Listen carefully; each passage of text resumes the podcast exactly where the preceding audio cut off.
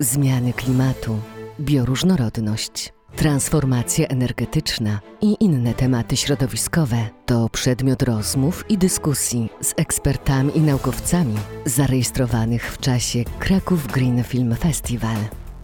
Zapraszamy. W tym roku tematem przewodnim naszego festiwalu jest zanikanie bioróżnorodności i wymieranie gatunków. E, Temat przewodni piątej edycji BNP Paribas Green Film Festival. I o tym właśnie będziemy e, rozmawiać tutaj na scenie z gośćmi dzisiejszego panelu, e, którymi będą. Zapraszam na scenę doktora Tomasza Rożka, dziennikarza naukowego, doktora nauk fizycznych i popularyzatora nauki, redaktora naczelnego Nauka to lubię. Dobry wieczór, dzień dobry. Zapraszam. Tutaj, tak? Tak jest. Pan Michał Sutyniec, pszczelarz, agent celny w agencji celnej Gigamper. Zapraszam na scenę. Wielkie brawa. Dobry wieczór, witam Państwa. Doktor habilitowany Robert Gwiazda, biolog, ornitolog, profesor Instytutu Ochrony Przyrody Polskiej Akademii Nauk w Krakowie. Witamy bardzo serdecznie brawami. Razem z nami będzie także pan Michał Pałasz, pracownik Instytutu Kultury Uniwersytetu Jagiellońskiego, członek Rady Klimatycznej Uniwersytetu Jagiellońskiego i Humanistic Management Network, krakowski aktywista klimatyczny. Powiedziałam to na jednym wdechu. Witamy panelistów. Za nami film Animal. E, Nie wiem, czy Państwo zdążyli, może zerkali trochę na ekran. Coś było widać? Z zerkali. Zerkali. Y, Tematem naszej rozmowy będzie szóste masowe wymieranie gatunków. Naukowcy coraz częściej ostrzegają przed zubożeniem bioróżnorodności naszej planety i masowym wymieraniem zwierząt. I moje pierwsze pytanie skierowane do pana doktora. Czy to masowe wymieranie zwierząt nam grozi, czy ono już występuje? Czy ono już aktualnie jest? Wymieranie to nie jest fakt, tylko to jest proces. To, to, to nie jest tak, że, że jest wszystko ok, ok i nagle gatunki znikają. To się może zdarzyć wtedy, kiedy, nie wiem, w Ziemię uderzy na przykład asteroida albo kometa. Natomiast y, to jest proces i ten proces jest obserwowalny. Nad faktami się nie dyskutuje, można dyskutować nad interpretacjami. Więc jeżeli e, popatrzymy na statystyki, e, zdamy sobie sprawę z tego, jak duża liczba gatunków jest na e, liście gatunków zagrożonych, jeżeli spróbujemy sobie, nie wiem, zrobić krok do przodu, czy krok dalej, w przyszłość popatrzeć i na podstawie linii trendu pewne rzeczy mm, zasymulować. Y, Z tych symulacji, mm, no niektóre organizacje mówią, że w ciągu 10 najbliższych lat może wyginąć kilkaset tysięcy, WF mówi nawet o milionie gatunków. To y, ja nie wiem, od którego momentu się liczy wymieranie. W sensie takim, że jak wyginie 10 tysięcy, to już jest wymieranie, czy 100 tysięcy, ale jeżeli to jest proces, to on już się zaczął i my jesteśmy w jego trakcie. A kiedy w ogóle określa się dany gatunek zagrożonym wyginięciem? To znaczy, czy jest jakieś kryterium, które to określa? Są kryteria i em, nie czuję się na siłach, żeby, żeby tutaj e, te konkretne rozwiązania prawne, bo mówimy o rozwiązaniach prawnych, e, cytować z pamięci. Natomiast e, dla mnie taką no, szokującą lekturą zawsze jest przeglądanie tej tak zwanej czerwonej listy gatunków zagrożonych. Polska ma taką listę, ale to jest, jest także europejska, unijna, ale jest także światowa. O ile dobrze pamiętam, teraz na liście zagrożonej jest chyba 145 tysięcy gatunków y, na czerwonej liście gatunków zagrożonych. No to samo to, to już robi wrażenie. Mam teraz pytanie skierowane do pana doktora Roberta y, Gwiazdy. Co, powodu, co, co jest powodem tego masowego wymierania zwierząt?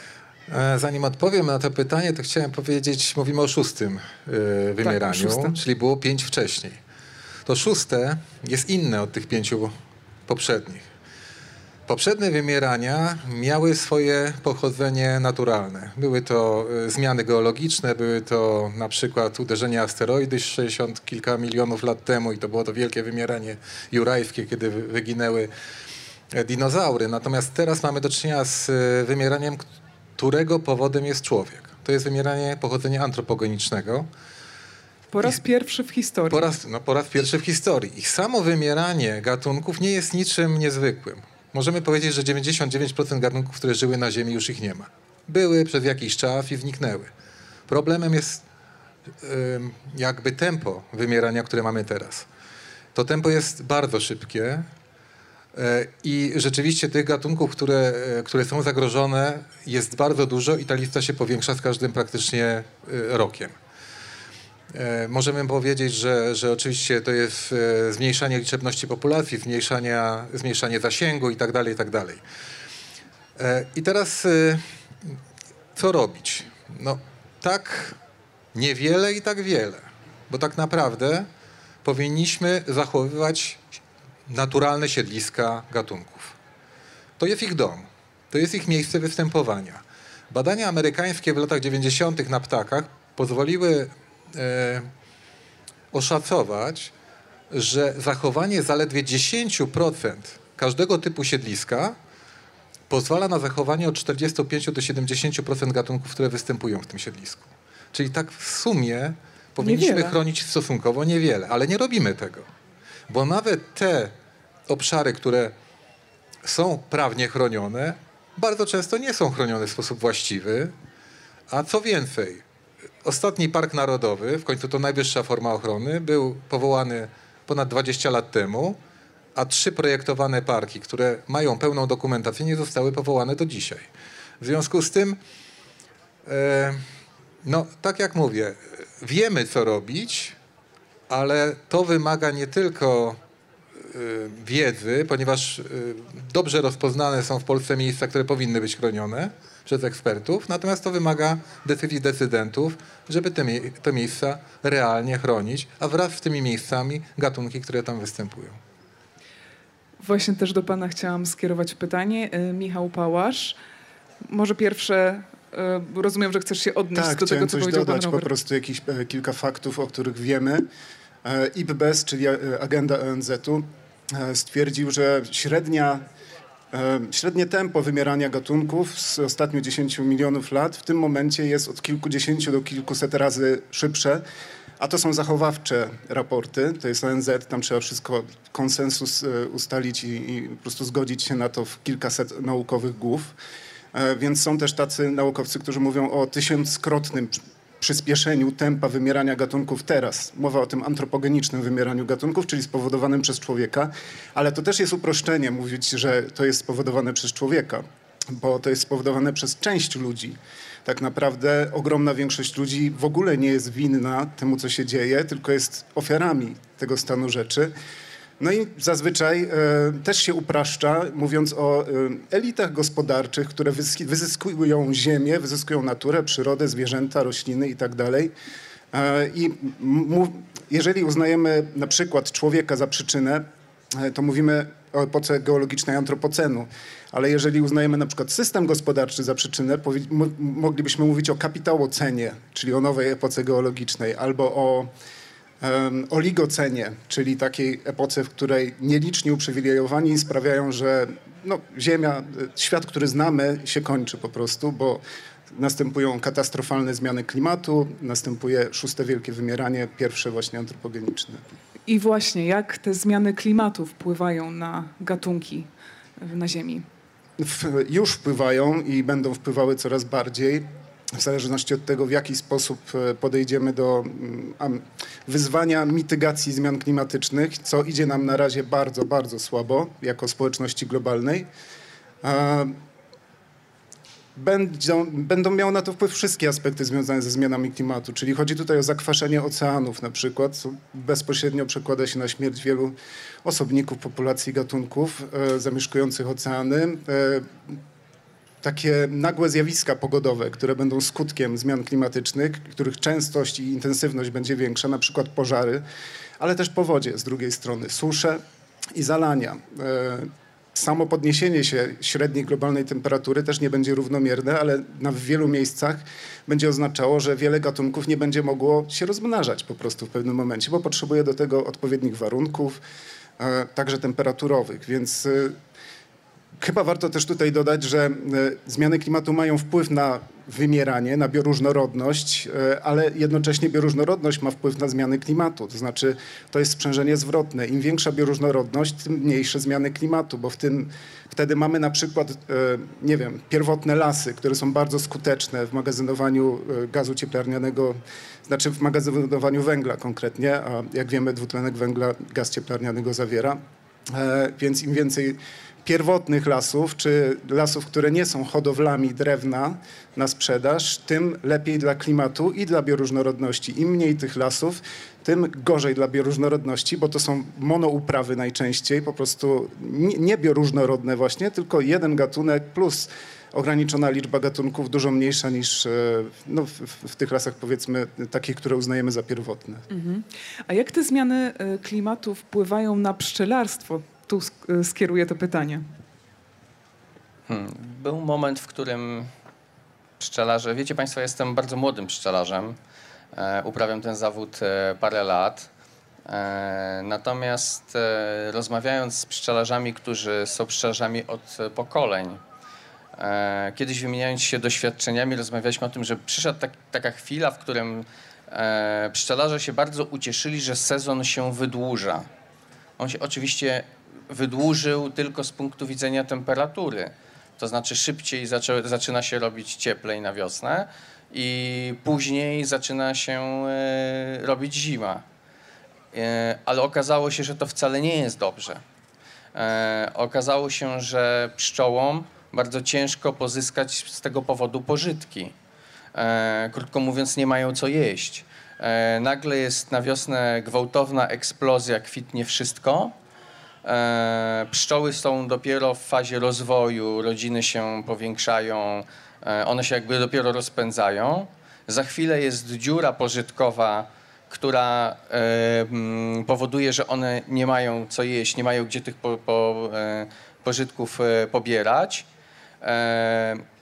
Ostatnio przeczytałem taką książkę, którą napisano e, 100 lat temu pana Lorenza. Zresztą on ją napisał tutaj w Krakowie w 1915 roku. I wiecie Państwo, on tam napisał taką fajną rzecz, która wtedy była nowinką, że podobno są regiony w Niemczech, gdzie pszczelarze muszą dokarmiać pszczoły, bo to, co zbiorą, nie wystarcza im na przeżycie. Ja chcę Państwu powiedzieć, że teraz jest to norma. Dla mnie to nie jest nic nadzwyczajnego. W tych e, chwilach, kiedy tych pożytków nie ma, jest dziura, bo na przykład temperatury są zbyt wysokie i nic nie nektaruje, nic nie pyłkuje, pszczelarze podają wodę z cukrem, bo inaczej te pszczoły by nie przeżyły. Nawiązując tu do e, Pana wypowiedzi, pszczoły hodujemy w ulach i one tak naprawdę we współczesnych lasach to nie mają gdzie zamieszkać. Pszczoła, żeby miała gdzie zamieszkać, musi mieć stare drzewo, z, w które, które jest, e, przepraszam, że to powiem, dziurawe w środku, żeby tam założyć e, rodzinę. Tak naprawdę my hodujemy w tej chwili lasy na drewno. Sosny mają być proste, bez sęków, bez dziur i trzeba je wyciąć w odpowiednim momencie. E, Z tego co wiem, to lasy państwowe miały taki program dowieszania barci do, do drzew. No ale pytanie, czy to nie jest trochę lewą ręką za prawe ucho? Ja tego nie wiem akurat, e, e, jakie plany miały e, lasy w, w temacie pszczół, e, które tam występują, ale chciałem dodać jedną rzecz do tych zmian klimatycznych. Mianowicie e, bardzo ważną rzeczą jest woda. I tej wody przy ocieplaniu klimatu mamy mniej. W, związku z tym gatunki, które są związane z wodą, mają ogromne problemy, ponieważ ich siedliska zanikają. I takim najlepszym przykładem są płazy, które muszą rozmnażać się w wodzie, a nie zawsze y, ta woda jest. A co więcej, akurat y, wielu, wiele płazów ma mm, po prostu y, nagą skórę, bardzo wrażliwą i promieniowanie ultrafioletowe, które w wyniku dziury ozonowej przenika w większej ilości, po prostu powoduje no, nadmierną śmiertelność larw y, płazów. Tych płazów jest po prostu mniej. To samo dotyczy mięczaków, które również wiele z gatunków mięczaków czy ślimaków jest na e, listach, czerwonych listach zagrożonych gatunków, więc zwracam uwagę, ocieplenie klimatu, temperatura, dwutlenek węgla i tak dalej, ale to wszystko sprowadza się do bardzo ważnej rzeczy, mniejszej, zdecydowanie mniejszej ilości wody w środowisku. E, Pan e, doktor Robert Gwiazda już wywołał temat i chciałabym zapytać tutaj e, pana doktora Tomasza Rożka właśnie o takie mm, gatunki, które są w najgorszej sytuacji w Polsce. Czy możemy powiedzieć, że w 2022 roku któryś gatunek wyginie? Nie sądzę, żeby dało się to powiedzieć. Czasami zdarza się tak, że choć uważaliśmy, że jakiegoś gatunku nie ma, to pojawił się gdzieś tam jakiś osobnik. Całe szczęście takie sytuacje się zdarzają. Nie mam w głowie konkretnych gatunków, które są na tyle w złym stanie, żeby można powiedzieć, że ten rok jest ostatnim rokiem. Nie sądzę, żeby dało się tak w ogóle powiedzieć. Nie wiem, panowie się znacie na tym lepiej. To, co. Nie wiem, bo może. Nie, ja się w pełni profesor- zgadzam. Znaczy są gatunki, które są krytycznie zagrożone, ale oczywiście no, nie możemy powiedzieć, że, że to będzie ten rok, przyszły rok, albo za 10 lat, albo w ogóle nie wyginą. Natomiast jest cała, e, cały szereg gatunków krytycznie zagrożonych, które e, są w tak trudnej sytuacji e, populacyjnej, że każde e, zjawisko dodatkowe, na przykład e, zwiększające śmiertelność albo zmniejszające reprodukcję, może być tym ostatnim rokiem, ale w pełni się zgadzam, że trudno tu powiedzieć, e, konkretny wymienić gatunek i powiedzieć, że to jest ten rok. Pan. Tak, ja chciałem dodać, że my też nie mamy wiedzy na temat wszystkich gatunków, bo przecież, nie wiem, owadów bodajże mamy rozpoznanych milion gatunków, a podejrzewa się, że istnieje 5 milionów gatunków. To my nawet się nie dowiemy o wielu wymieraniach, które mają miejsce w tym czasie.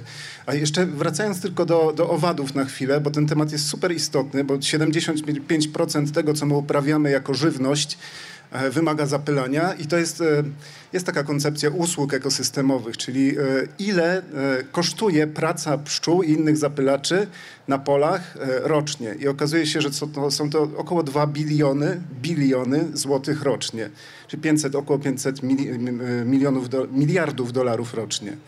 E, No i teraz można się zastanawiać nad konsekwencjami. W Chinach chodzą już e, osoby, które pe- pełnią rolę zapylaczy z pędzelkami, bo po prostu nie ma e, jakim owadom tej pracy wykonywać.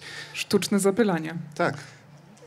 Wydaje mi się, że w dyskusjach o, o, o wymieraniu gatunków czy o bioróżnorodności my bardzo często wpadamy w taką pułapkę, mm, podając te wszystkie liczby, te zależności i tak dalej. To jest oczywiście wszystko bardzo ważne, ale e, dla, być może mm, ważniejsze dla ekspertów, a dla szerszego odbiorcy dużo ważniejsze wydaje mi się jest co innego. E, Bardzo często traktujemy przyrodę jako taki element dodatkowy, który nam umila życie. Nie? Znaczy, każdy z nas, jak jedzie na wakacje, no to wiadomo, że, em, no, że lubi być w miejscu, gdzie są egzotyczne Zielono. rośliny i zwierzęta. Mm, I patrzymy na te zdjęcia na Instagramie, tak przewijamy, albo na TikToku, albo gdziekolwiek i mówimy, fajne to jest. Ale my nie zdajemy sobie sprawy z tego, że to nie jest fajne, że to jest konieczne. Jeżeli my idziemy do apteki, to jakiekolwiek lekarstwo kupujemy, kupując w aptece, musimy mieć świadomość, że ta substancja czynna pochodzi albo ze świata zwierząt, albo ze świata roślin. Jeżeli my zdamy sobie sprawę z tego, y, co my zyskujemy dzięki roślinom, nie tylko jedzenie, nie tylko ubranie, nie tylko energię, wszystko, i nagle sobie spróbujemy wyobrazić świat. Okej, trudno sobie wyobrazić świat bez roślin, ale mogę sobie wyobrazić świat bardzo zubożony w rośliny. Świat, w którym tych gatunków takich wiodących będzie kilka, a poza tym to reszta gdzieś będzie w ogrodach botanicznych. To tak naprawdę, jeżeli zdajemy, zdamy sobie sprawę z tego, że to, to my jesteśmy na końcu tej historii tym gatunkiem, który najwięcej straci, to dyskusja o bioróżnorodności, o wymieraniu gatunków zyskuje zupełnie inny kontekst. My będziemy tym gatunkiem, który najwięcej straci. Tak jak pan profesor powiedział, 95% gatunków, 98, nawet 99. 9 gatunków już nie ma, ale więc w pewnym sensie wymieranie jest rzeczą zupełnie naturalną. Nienaturalne jest jednak wymieranie w takim tempie, w tempie, które nie pozwala się dostosować reszcie do tej sytuacji, w tym nam. I przykład z pszczołami jest idealnym takim przykładem. I, i w tym momencie um, dyskusja o wymieraniu przestaje być dyskusją czysto akademicką albo dyskusją na festiwalu filmowym, na którym widzieliśmy ładne zwierzęta, i sobie no, no fajnie, no szkoda, że tam wymiera ten czy tamten. Czy jeżeli jeden czy drugi wymrze, to z każdym gatunkiem, który ginie na tej planecie, tak naprawdę dokładamy cegiełkę do tego, że my sami wyginiemy. Dokładnie i ja się chciałem podkreślić po prostu, bo to jest super istotna obserwacja, która nie jest naturalna dla nas wszystkich, że nie jesteśmy, nie ma podziału na człowieka i przyrodę. Jest człowiek który jest częścią przyrody, po prostu. Przyroda jest naszym środowiskiem życia, jesteśmy częścią przyrody, nie ma dualizmu między kulturą i naturą, cywilizacją i, nie wiem, e, przyrodą, tylko to wszystko jest połączone. Mówi się tutaj o jednym świecie, nie wiem, o pajęczynie życia, te wszystkie pierwotne, powiedzmy, metafory e, ludów pierwotnych czy, czy rdzennych są tutaj bardzo trafne i często też wraca się do tej wiedzy pierwotnej w tym momencie, poszukując sposobów na zdrowsze podejście do świata, nie eksploatacyjne, nie wyzyskujące, żebyśmy nie panowali nad tym światem, nie szli i czynili sobie ziemię poddaną, tylko jak młodzieżowy strajk klimatyczny niesie nas transparentach, czyńmy sobie ziemię kochaną po prostu, bo potrzebujemy jej miłości. A jeszcze y, nawiązując do człowieka właśnie jako tego dominującego gatunku, to przecież w historii Ziemi właściwie mieliśmy takie trzy etapy z pewnej perspektywy. Najpierw nie było życia, potem było, było życie jednokomórkowe, potem y, organizmów wielokomórkowych, a teraz mamy od wcale nie tak długiego czasu dominację jednego gatunku wielokomórkowego i to jest człowiek. Jak weźmiemy pod uwagę biomasę na przykład, czy, czyli ciężar po prostu wszystkich ssaków, to okazuje się, że mamy 4% e, masy wszystkich ssaków to są zwierzęta dzikie. 36% masy to są ludzie, a 60% masy ssaków to są zwierzęta hodowane przez ludzi. Po prostu po to, żeby ludzie je zjedli. W skrócie jeśli, największym. Jeśli można, e, właściwie w pełni się zgadzam w tym, co przedmówcy powiedzieli, ale chciałem powiedzieć, tak jasno e, zobrazować. Przyroda to jest system naczyń połączonych. To, to, to, to jest sieć najróżniejszych zależności pomiędzy gatunkami, o których często nie wiemy i nie zdajemy sobie sprawy z tego. Mówiliśmy o pszczołach, więc wyginięcie pszczoły jest, y, powo- znaczy spowodowałoby bardzo poważne skutki ekonomiczne i, i to przyjmujemy, zdajemy sobie z tego sprawę. Ale siedzimy sobie teraz i od czasu do, do czasu widzimy, że tu latają komary. I co by się stało, gdyby komarów nie było? Super, bo by nas nie gryzły, prawda? Nie, lubi, nie lubimy ich za A jednocześnie bardzo. te komary, których, których liczebność jest bardzo duża, przecież wchodzą w całą sieć zależności pokarmowych gatunków, tak? Nietoperzy, jeżyków, ryb, jeśli mówimy o larwach y, komarów i tak dalej, i tak dalej. Gdyby komary wyginęły, teoretycznie, przecież inne gatunki musiałyby się przestawić na inne rodzaje pokarmu. Całe, cały system zależności, cały ekosystem musiałby być przebudowany. Jakby był przebudowany, trudno powiedzieć. Możemy spekulować, możemy szacować, ale wcale nie jest to takie łatwe i bardzo często obarczone dużym błędem, więc yy, ta bioróżnorodność i utrzymywanie tego, powiedzmy, status quo, czy utrzymywanie tego, tego funkcjonowania takim, jakim go znamy, jest w dobrze pojętym naszym interesie. Trochę taki, taki domek dokładny z kart. przykład. Jak wyciągniemy jedną kartę, to wali się całość. Dobrym przykładem, bo często mówiąc o bioróżnorodności czy o wymieraniu gatunków, my raczej mamy na myśli zwierzęta, ale dobrym przykładem w kontekście także polskim i bezpośrednio wpływającym na nasze funkcjonowanie jest kwestia wymierania czy, czy likwidowania całych siedlisk roślin. Nie zdajemy sobie sprawy z tego w kontekście wody, o czym panowie mówili, że najlepszym sposobem na to, żeby wodę zatrzymać, nie jest budowanie stawów, nie wiem, obetonowanych, tylko jest niezasypywanie, nieosuszanie bagien. Jeżeli tak na to spojrzymy, to nagle się okazuje, że tak naprawdę e, my nie musimy nic wymyślać, my nie musimy żadnych nowych technologii tworzyć, my musimy tylko przywrócić to, co było. Czyli na przykład e, przywróci zresztą w wielu miejscach na świecie, w, powiedzmy w, na świecie, w świecie zachodnim, w świecie bogatym, przywraca się naturalne brzegi rzek, które wcześniej były wybetonowane, przywraca się miejsca, gdzie kiedyś były mokradła, bagna i tak dalej, i tak. E, w pewnym okresie mm, tak świadczyło o wysokim zaawansowaniu cywilizacyjnym to, że rzeka jest wybetonowana, bagna osuszone i wszystko, co było dzikie, jest ujarzmione. Dzisiaj jest dokładnie na odwrót. Mam znajomych, którzy mm, z zazdrością spoglądają na Warszawę i mówią, to jest super, że to jest chyba jedyna stolica w Europie, przez którą płynie rzeka, która nie jest wybetonowanym korytem. Tylko przynajmniej ta praska część e, Wisły jest po prostu dziką rzeką. No i w tym kontekście y, mówiłem o tym, że tej wody nam brakuje, więc ta woda powinna być wszelkimi możliwymi sposobami zatrzymywana. Żeby nie odpływała w sposób szybki, a akurat betonowanie rzeki i prostowanie koryta sprzyja temu, tylko wręcz przeciwnie. Zatrzymywanie poprzez nieregulowanie tej rzeki w miejscach, gdzie jest to nieuzasadnione, bo oczywiście nie mówimy o dużym mieście takim jak Kraków, prawda? Albo e, e, gdzie, gdzie rzeka płynie przez środek miasta. Ale e, w wielu miejscach jest to nieuzasadnione. Ta rzeka powinna meandrować, ta rzeka powinna po prostu rozlewać się, ponieważ tak naprawdę przy dużych poziomach wody i przy dużych przepływach ona i tak będzie musiała gdzieś sobie, że tak powiem, ulżyć, brzydko mówiąc, i w tym momencie po prostu zrobi to tam, gdzie jej będzie pasowało, a nie tam, gdzie my jej to wskażemy. Jeszcze dodam, że 85% wszystkich właśnie podmokłych terenów na świecie zostało już zlikwidowanych przez człowieka. Zostało 15% i teraz staramy się je przywracać. 50% lasów ponadto też zostało zlikwidowanych przez człowieka. Tereny są teraz używane głównie pod e, uprawę i głównie pod hodowlę zwierząt nawet, nie pod uprawę roślin. I jeszcze wracając do e, właśnie tego szybkiego spływania wody i generalnie problemu z wodą, to Polska ma największy problem z wodą ze wszystkich krajów Unii Europejskiej. Mamy tutaj deficyt wody, mimo tych dwóch ogromnych rzek i ich zlewni, które tutaj posiadamy. I e, oczywiście regulowanie rzek to jest jedna sprawa, ale jeszcze betonowanie miast po prostu.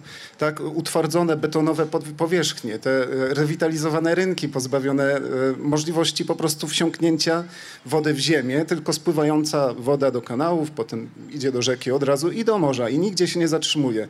I jeszcze jednym świetnym sposobem na magazynowanie wody, oprócz nieregulowania rzek, niebetonowania miast, jest po prostu sadzenie roślin albo łąk kwietnych nawet, co Kraków akurat robi. To ja jeszcze zdanie tylko dodam, tak z punktu widzenia mm, użytkownika i praktyka. Em, ja jestem też w Warszawie we wspólnocie mieszkaniowej i my od wielu, wielu lat próbujemy to osiedle odbetonować. Likwidujemy beton, sadzimy roślinność. Z czego to wynikło? Oprócz tego, że mieszkańcy naprawdę bardzo szybko zauważyli, że temperatura na osiedlu jest dużo niższa w momencie, kiedy te drzewa urosły, trzymają tą wodę w sobie, roślinność zarówno ta niska, jak i wysoka, żyje się zupełnie inaczej. Ale to też wynikało z tego, że była taka moda na to, żeby każde miasto, każde osiedle e, miało swoją pasiekę i ule miejskie. I my też takie, taką posiadamy. E, natomiast nie rozwiążemy problemu e, wymierania pszczół, dosypując pszczół, bo ich z jakiegoś powodu nie ma.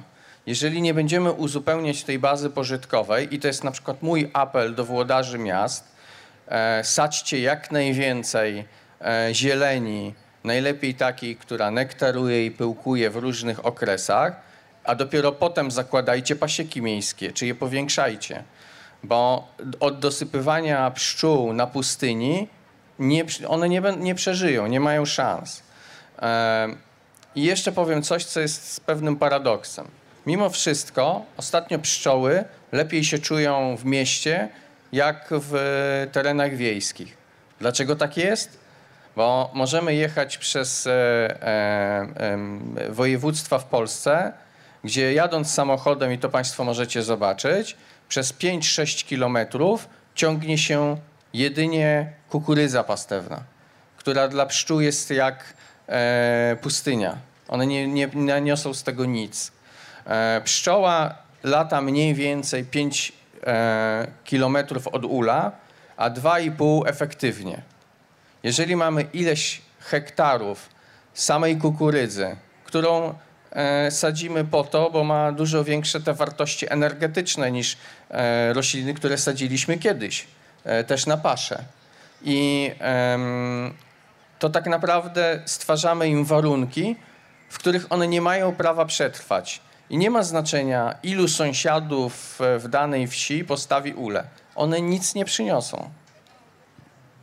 Zachowywanie naturalnych siedlisk to jedno, o czym powiedział pan doktor. Co jeszcze możemy zrobić? Czy na przykład odbudowywanie pewnych gatunków jest sposobem na ich zachowanie?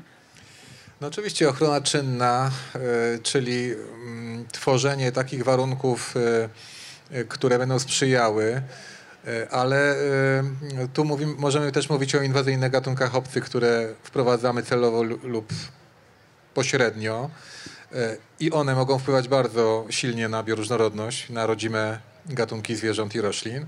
Przecież widzimy całe mm, no, monokultury niektórych roślin, jak nawłocie kanadyjskie, jak redestowce, to, to, to nie są nasze rodzime gatunki, a, a po prostu wypierają nasze e, e, gatunki roślin. E, e, Więc e, w każdym razie tym fra- fragmentacja siedlisk, nietworzenie barier, również e, drogowych, czyli tam, gdzie są przejścia dla zwierząt e, naturalne, były przejścia dla zwierząt, powinny być tworzone e, mosty krajobrazowe. No jest cały szereg sposobów. W każdym razie właściwie to, co Pan powiedział tu wcześniej o pszczołach jest, jest właściwie kluczem e, do wszystkich innych gatunków, ponieważ e, bez właściwego siedliska, żebyśmy nie wiem co robili, nie wiem, e, na przykład wprowadzali gatunki sztucznie wyhodowane albo tworzyli jakieś konkretne, znaczy tworzyli, e, dawali jakieś konkretne e, czynniki, które, które pozwalają tym gatunkom przetrwać, to bez całego kompleksu tych czynników, które naturalne siedliska e, oferują, po prostu te gatunki nie, tych gatunków nie będzie. One wcześniej czy później po prostu, e, po prostu zanikną. Jeszcze mam pytanie skierowane do pana Michała mm, w związku z handlem dziką przyrodą. To jest czwarty co do wielkości nielegalny handel na świecie. Czy to jest też sytuacja, która pojawia się w Polsce i jaka to jest skala, jeśli się pojawia? Mm, Podejrzewam, że pytanie jest też e, spowodowane tym, że mój zawód taki wyuczony to jest agent celny i ja spotykam się z sytuacjami, w którym produkty, które są przywożone, są wykonane ze zwierząt, które e, są chronione.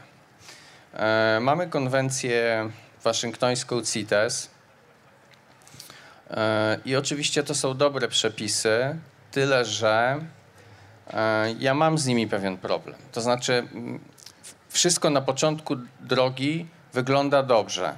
I to, że ta konwencja powstała i te przepisy, super. I na pewno one pozwalają, e, prawnicy się cieszą, że mogą jakby łatwą drogą postawić kogoś e, postawić jakiś akt oskarżenia, ponieważ złamał konkretny przepis. Natomiast obawiam się, że świat się bardzo szybko do, dostosowuje do tego. I jeżeli ja e, dostaję zaświadczenie CITES do butów wykonanych ze skóry krokodyla, to nagle najważniejszym staje się, czy na tym zaświadczeniu ministerstwo powinno wpisać, że to są dwie pary czy cztery sztuki. Ja się zastanawiam, czy o to w tym chodzi. E, czy problemem jest to, kiedyś pan profesor e, Leszek Kołakowski napisał taki artykuł, czy potrzebne są nam prawa człowieka. Oczywiście zrobił to em, tak prowokacyjnie, bo wszyscy oczywiście wiedzieli, jak ważne są, i on również, jak ważne są prawa człowieka. Natomiast one są napisane dla ludzi, którzy rozumieją i wiedzą i przestrzegają. I teraz pytanie, czy, mm, czy, czy ludzie, którzy chcą żyć z e, handlu, e, nie wiem, kłami słonia, e, w ogóle wiedzą, że takie przepisy istnieją. A jak wiedzą, czy to nie jest tak, że tylko wie ich prawnik? Tak? I, i czy, czy to jest ta droga? Moje skromne zdanie jest takie, że zawsze gdzieś trzeba dotrzeć do ludzi, którzy są tak zwanym popytem. nie rozróżniając tego, czy mają dobre czy złe intencje. Bo wiemy na przykład o medycynie chińskiej i teraz e, e, ci ludzie pewnych rzeczy po, potrzebują, bo od pokolenia na pokolenie uważali, że to im pomaga i że, że to jest normalne, tak? Pewnie do nich trzeba z jakąś informacją dotrzeć, tak? I zrobić to umiejętnie. To jest bardzo trudne. Jeżeli już jestem przy głosie, to jeszcze chciałbym tu zrobić pewne zastrzeżenie. Panowie robicie świetną robotę i doskonale wiecie, że to jest ten element edukacyjny, który z każdym takim spotkaniem, z każdym artykułem i publikacją dociera do kolejnych osób. Ale to jest bardzo długi proces i żmudny. I moim zdaniem to jest ta droga. E, Ja mam trochę pretensje do e, ludzi, którzy e, na świecie i w Polsce rządzą, że oni nie mają pewnej świadomości, że mogą cały ten trud zniweczyć jednym głupim zdaniem w telewizji. Czyli e, zaprzeczają rzeczom, których odkrywać już nie trzeba. One są mm, to, że mamy em, problem z klimatem, wiedzą wszyscy. A mimo to raz na pewien czas znajdzie się decydent, który ma stanowisko, czyli ma ten autorytet taki nadany i on krytykuje to. I nie ma, nie ma świadomości, że on to robi w ciągu minuty czy dwóch, a niweczy y, coś, co ludzie budowali powiedzmy latami. E, Ja przyznam się Państwu do jeszcze do jednej rzeczy, y, trochę niezwiązanej z klimatem, ale chcę pokazać, jak to działa. Ja byłem też długie miesiące y, wolontariuszem grupy Granica. I ostatnio jeden pewien. I chodziłem po prostu do lasu, pomagałem ludziom.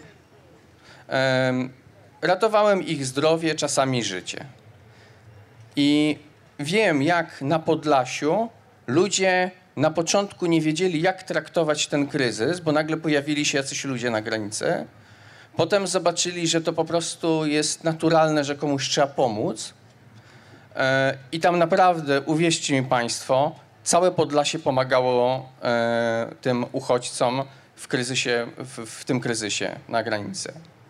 I nagle, e, wiecie Państwo, dwa dni temu pewien znany polityk obraził właściwie wszystkich ludzi, którzy tam em, em, chodzili.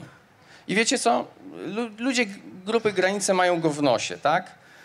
Pewnie nie cenią go za tą wypowiedź jakoś wysoko, a pewnie jako polityka też miernie. Natomiast on nie ma świadomości, że jeżeli w tej chwili w którymś z dużych miast w Warszawie upadnie kobieta i będzie uchodźcą, uchodźczynią, to nagle jakaś część osób po ich wypowiedzi najpierw sprawdzi, czy jest z Syrii, czy z Kijowa. On nie ma tego, tej świadomości. Ugrał jakiś interes polityczny, ale nie ma świadomości, że ktoś może ucierpieć w tym momencie. I teraz wracam do klimatu. Tak? To jest dokładnie tak samo. E, macie ludzi, którzy, przepraszam, siedzą w tym, znają się na tym, mówią o tym. I nagle staje człowiek, który nie ma totalnie e, wiedzy, e, ale ma ten autorytet polityczny e, i mówi coś zupełnie odwrotnego, bo e, jest to jakaś teoria spiskowa dziejów, to wzbudzi pewną sensację. E, Pamiętajcie Państwo o tym, można zawsze mówić, że się człowiek polityką nie interesuje, ale przynajmniej wybierajcie ludzi, którzy nie przeszkadzają, którzy słuchają naukowców i e, nie burzą tego, co oni budują. Tak, proszę bardzo.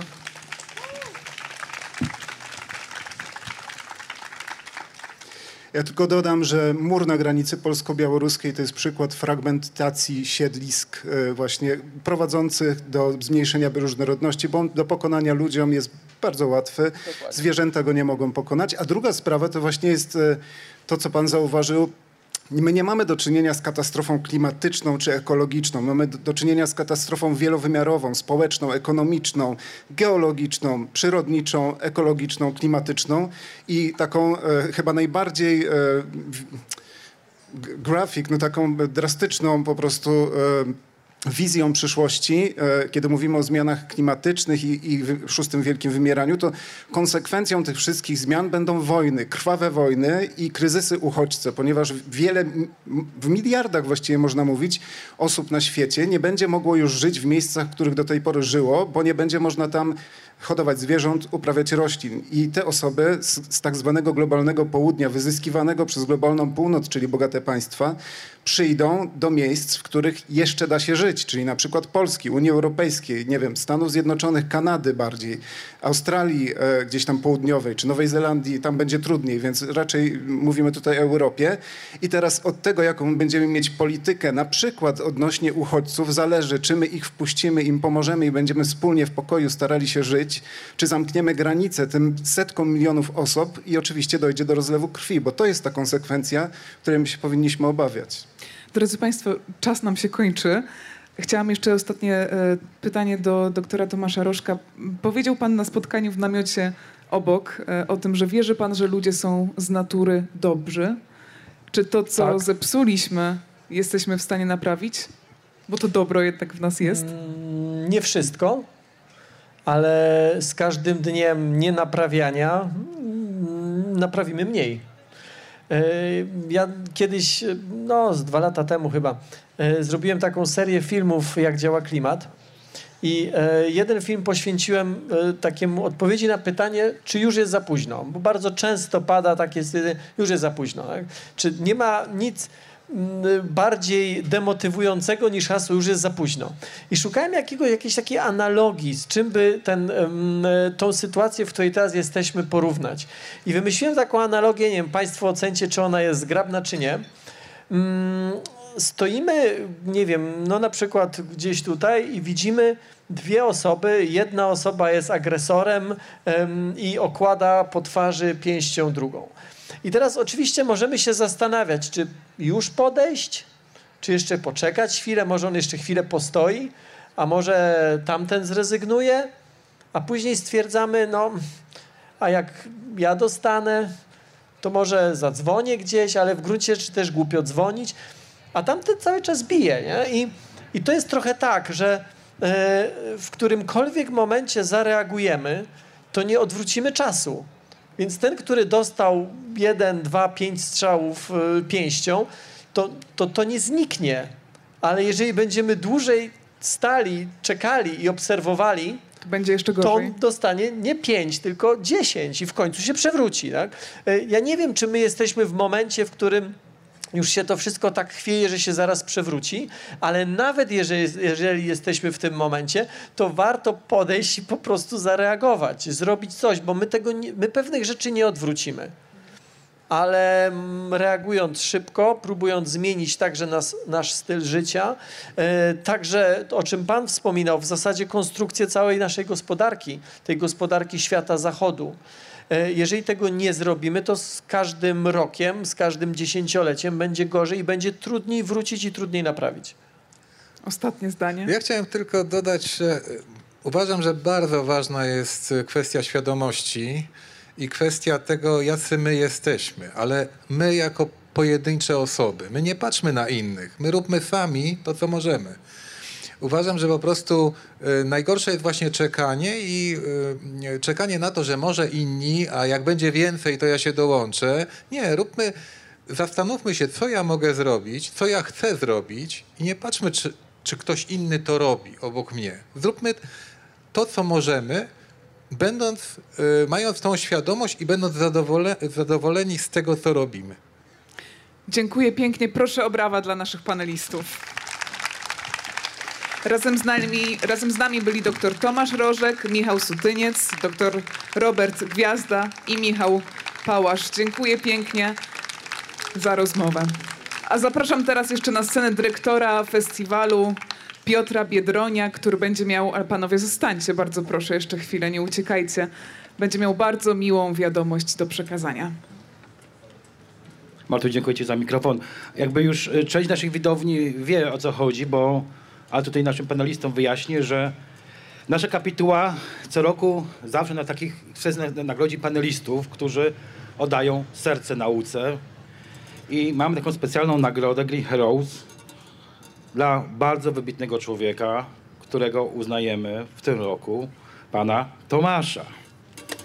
I tą nagrodę nie za to, co pan robi, nie za super filmy i za wszystko, tylko za to, że pan wkłada serce w to wszystko i wkłada swój prywatny czas, no i całe swoje życie tak naprawdę to wszystko ratowanie naszej planety. I teraz wręczam, ale wytłumaczę, co tu jest, tak?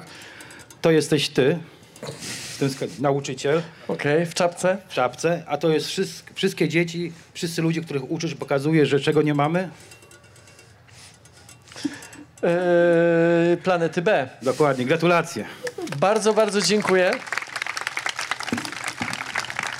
Gratulujemy. Nagroda Green Hero dla Tomasza Rożka. Yy, Ja wiem, że to może zabrzmieć yy, niewiarygodnie, ale ja naprawdę nie wiedziałem. To znaczy, yy, to ja wiem, że to też zawsze w takich sytuacjach się mówi, nic nie wiedziałem. Tak? E, Ale ja nie wiedziałem. Bardzo dziękuję, jestem zaskoczony i no i dziękuję bardzo. Gratulujemy. Zresztą na, na tym właśnie polega, że nikt o tym nie wie, a faktycznie my zawsze chcemy kogoś zaskoczyć i wybrać Dziękuję. i naprawdę jesteś w, zacnym gronie. Także dla nas to zaszczyt, że jesteś razem z nami. Dziękujemy ci Dziękuję bardzo. Jeszcze raz wielkie brawa. Panowie, serdecznie dziękuję i zapraszam was na backstage.